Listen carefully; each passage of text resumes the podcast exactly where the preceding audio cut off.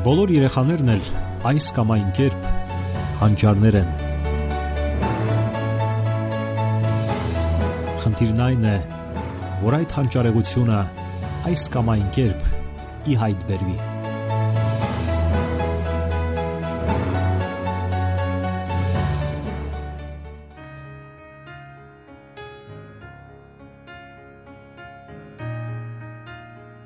Բարև ձեզ սիրելի ռադիո լսողներ։ Եթերում դասերակցություն հաղորդաշարն է։ Կարևոր որակներից մեկը, որ անհրաժեշտ է դասերակել երեխայի մեջ, պատասխանատվությունն է։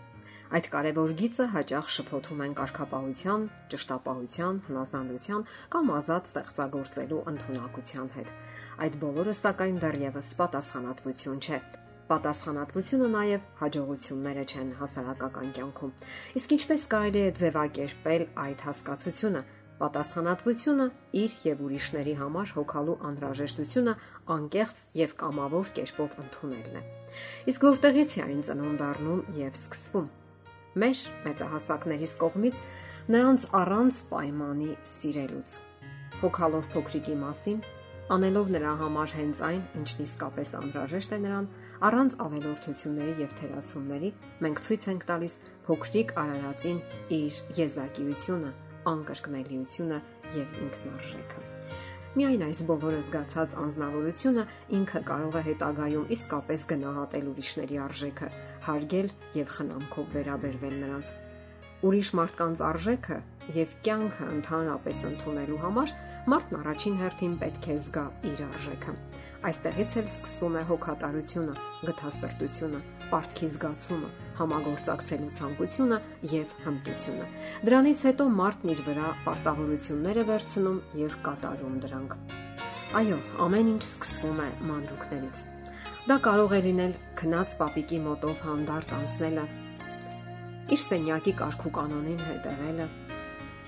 մեծահասակների հանդեպ ուրախadir լինելը եւ այլն։ Սակայն այս բոլորի մեջ շատ կարևոր են այն մղումները, որով առաջնորդվում է երեխան։ Եվ այսպես, ինչպես դաստիարակել պատասխանատվության զգացումը։ Առաջին հերթին երեխան պետք է իրեն ընտանիքի լիիրավ անդամ զգա։ Պետք է զգա, որ շրջապատի մարդիկ ունեն իր կարիքը։ Ամենից առաջ մի զրկեք նրան մեծահասակների զբաղմունքներից։ Կարող եք ասել. «Օգնիր ինձ պատրաստեմ թեյի սեղանը» կամ «Ինչ ես կարծում, որ ափսեները ավելի լավ կլինի դնել սեղանին» կամ «Այս կոշիկը մենք միասին կլվանք» եւ միշտ էլ կճարվեն այնպիսի աշխատանքներ, որոնք փոքրիկը իր վիճակի կլինի կատարել։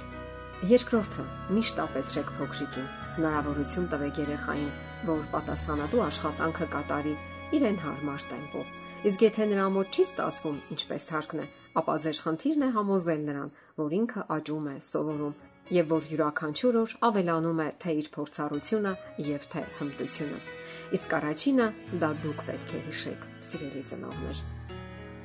Նաև պետք չէ արագ դիտողություն անել եւ քննադատել ված կատարած աշխատանքի կամ անպատշաճ արարքի համար։ Անհրաժեշտ է այնպես անել, որ երեխան սեփական փորձով հասկանա, թե ինչպիսի արդյունքների է հանգեցնում անպատասխանատվությունը։ Օրինակ, եթե հաց չի գնել կամ չի գնում հաց գնելու, ապա առանց հացի ենք ճաշելու։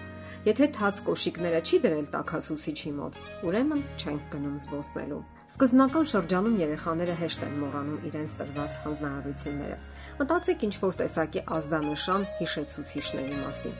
Դա կարող է լինել զարթուցիչի ձայնը կամ դրան վրա փակցված նկարը ըստ թեմայի։ Ասենք այսօր պետք է կերակրել ակվարիումի ձկներին եւ այլն։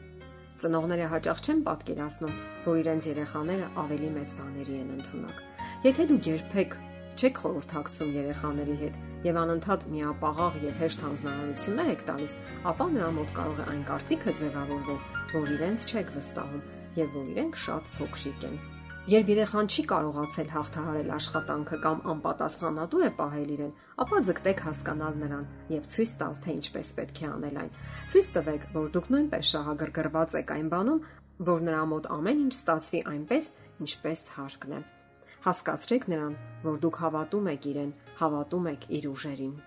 Ձգտեք այնպես անել, որ երեխայի մոտ թե ուրիշների եւ թե իր մասին հոգալը զուգակցվի դրական հույզերի հետ։ Նշենք, որ շատ ծնողների մոտ ընդունված է քննադատել կամ դիտողություններ անել, իսկ ահա խրախուսանքը չգիտես ինչու բացակայում է։ Ենթադրենք երեխան մանկապարտեզից տուն է բերել իր նկարած նկարը եւ եւ նվիրել ծնողին։ Կարող եք գեղեցիկ ձևավորել այն եւ կախել պատից։ Կամ երեկոյան թեյի ժամանակ կարող եք նշել, թե ինչքան խնամքով են ավերաբերվել իր քույրիկին, օրորել է սայլակի մեջ եւ այլն։ Այսպես կոչված հետադարձ կապը շատ օգտակար է երեխայի համար։ Իսկ ընդհանրապես շատ դժվար է պատասխանատվություն դասերակել երեխայի մոտ, եթե դուք անընդհատ պահանջում եք ավելին, քան երեխան ընդունակ է։ Դա արմատապես ոչնչացնում է պատասխանատվության զգացումը երեխայի մոտ։ Եթե ասենք երեխան չի կարող երկար զբաղվել մի աշխատանքով, ապա բազմազան եւ հետաքրքիր դարձրեք այն Կարող եք նաև շնորհակալություն հայտնել եւ նրան ուղարկել խաղալու։ Ասենք հանձնարարել եք կարգավորել իր սենյակը կամ իր անկյունը։ Հիշեք, որ կարգու կանոնը մեծահասակի պատկերացումներով մի բան է, իսկ երեխայի պատկերացումներով մի անգամայն այլ բան։ Դրան մոտ իրար գլխի հավաքված խաղալիքները կամ քիչ թե շատ մաքուր սենյակի կենտրոնը նույնպես կարգու կանոն է։ Ծնողները նաև պետք է վերահսկեն եւ ստուգեն։ Երեխան դեռևս չի կարող վերահսկել իրեն Երեխայի մոտ պատասխանատվության զգացում չի զարգանա, եթե դուք չեք խրախուսում, չեք ապարքեվատրում, չեք գովում, նշում, շնորհակալություն չեք հայտնում։ Հիշեք նաև, որ հարկավոր է խորհրդակցել երեխայի հետ։ Հակառակ դեպքում դուք կնմանվեք հրաման տվող զինվորականի։ Երեխաները միշտ էլ սկզբում ցանկանում են լավը լինել եւ հպարտանում են, երբ վստահում եք եւ հարցնում իրենց կարծիքը, խորհրդակցում իրենց հետ։ Եվ այսպես Անընդհատ մտածեք ձեր մտածումների եւ օրինակի մասին։ Մի հանդեսեք անznական օրինակը։ Դուք փոխանցում եք ձեր ողջ ներքին աշխարհը, ոչ միայն բառերով, եւ երեխաները սովորում են։ Եղեք նրանց լավագույն խորհրդականը եւ ուսուցիչը, եւ ինքներդ սովորեք ու հաճեք։ Երբեք մի մտածեք, որ դուք արդեն կատարյալ եք։ Սիրելի ռադիո լսողներ, եթերում դասերակցություն հաղորդաշարներ։ Ձեզ հետ է Գեղեցիկ Մարտիրոսյանը։ Ձեզ ուզող հարցերի համար կարող եք զանգահարել 093 00 63 27 կամ 094 93 55 77 հեռախոսահամարներով։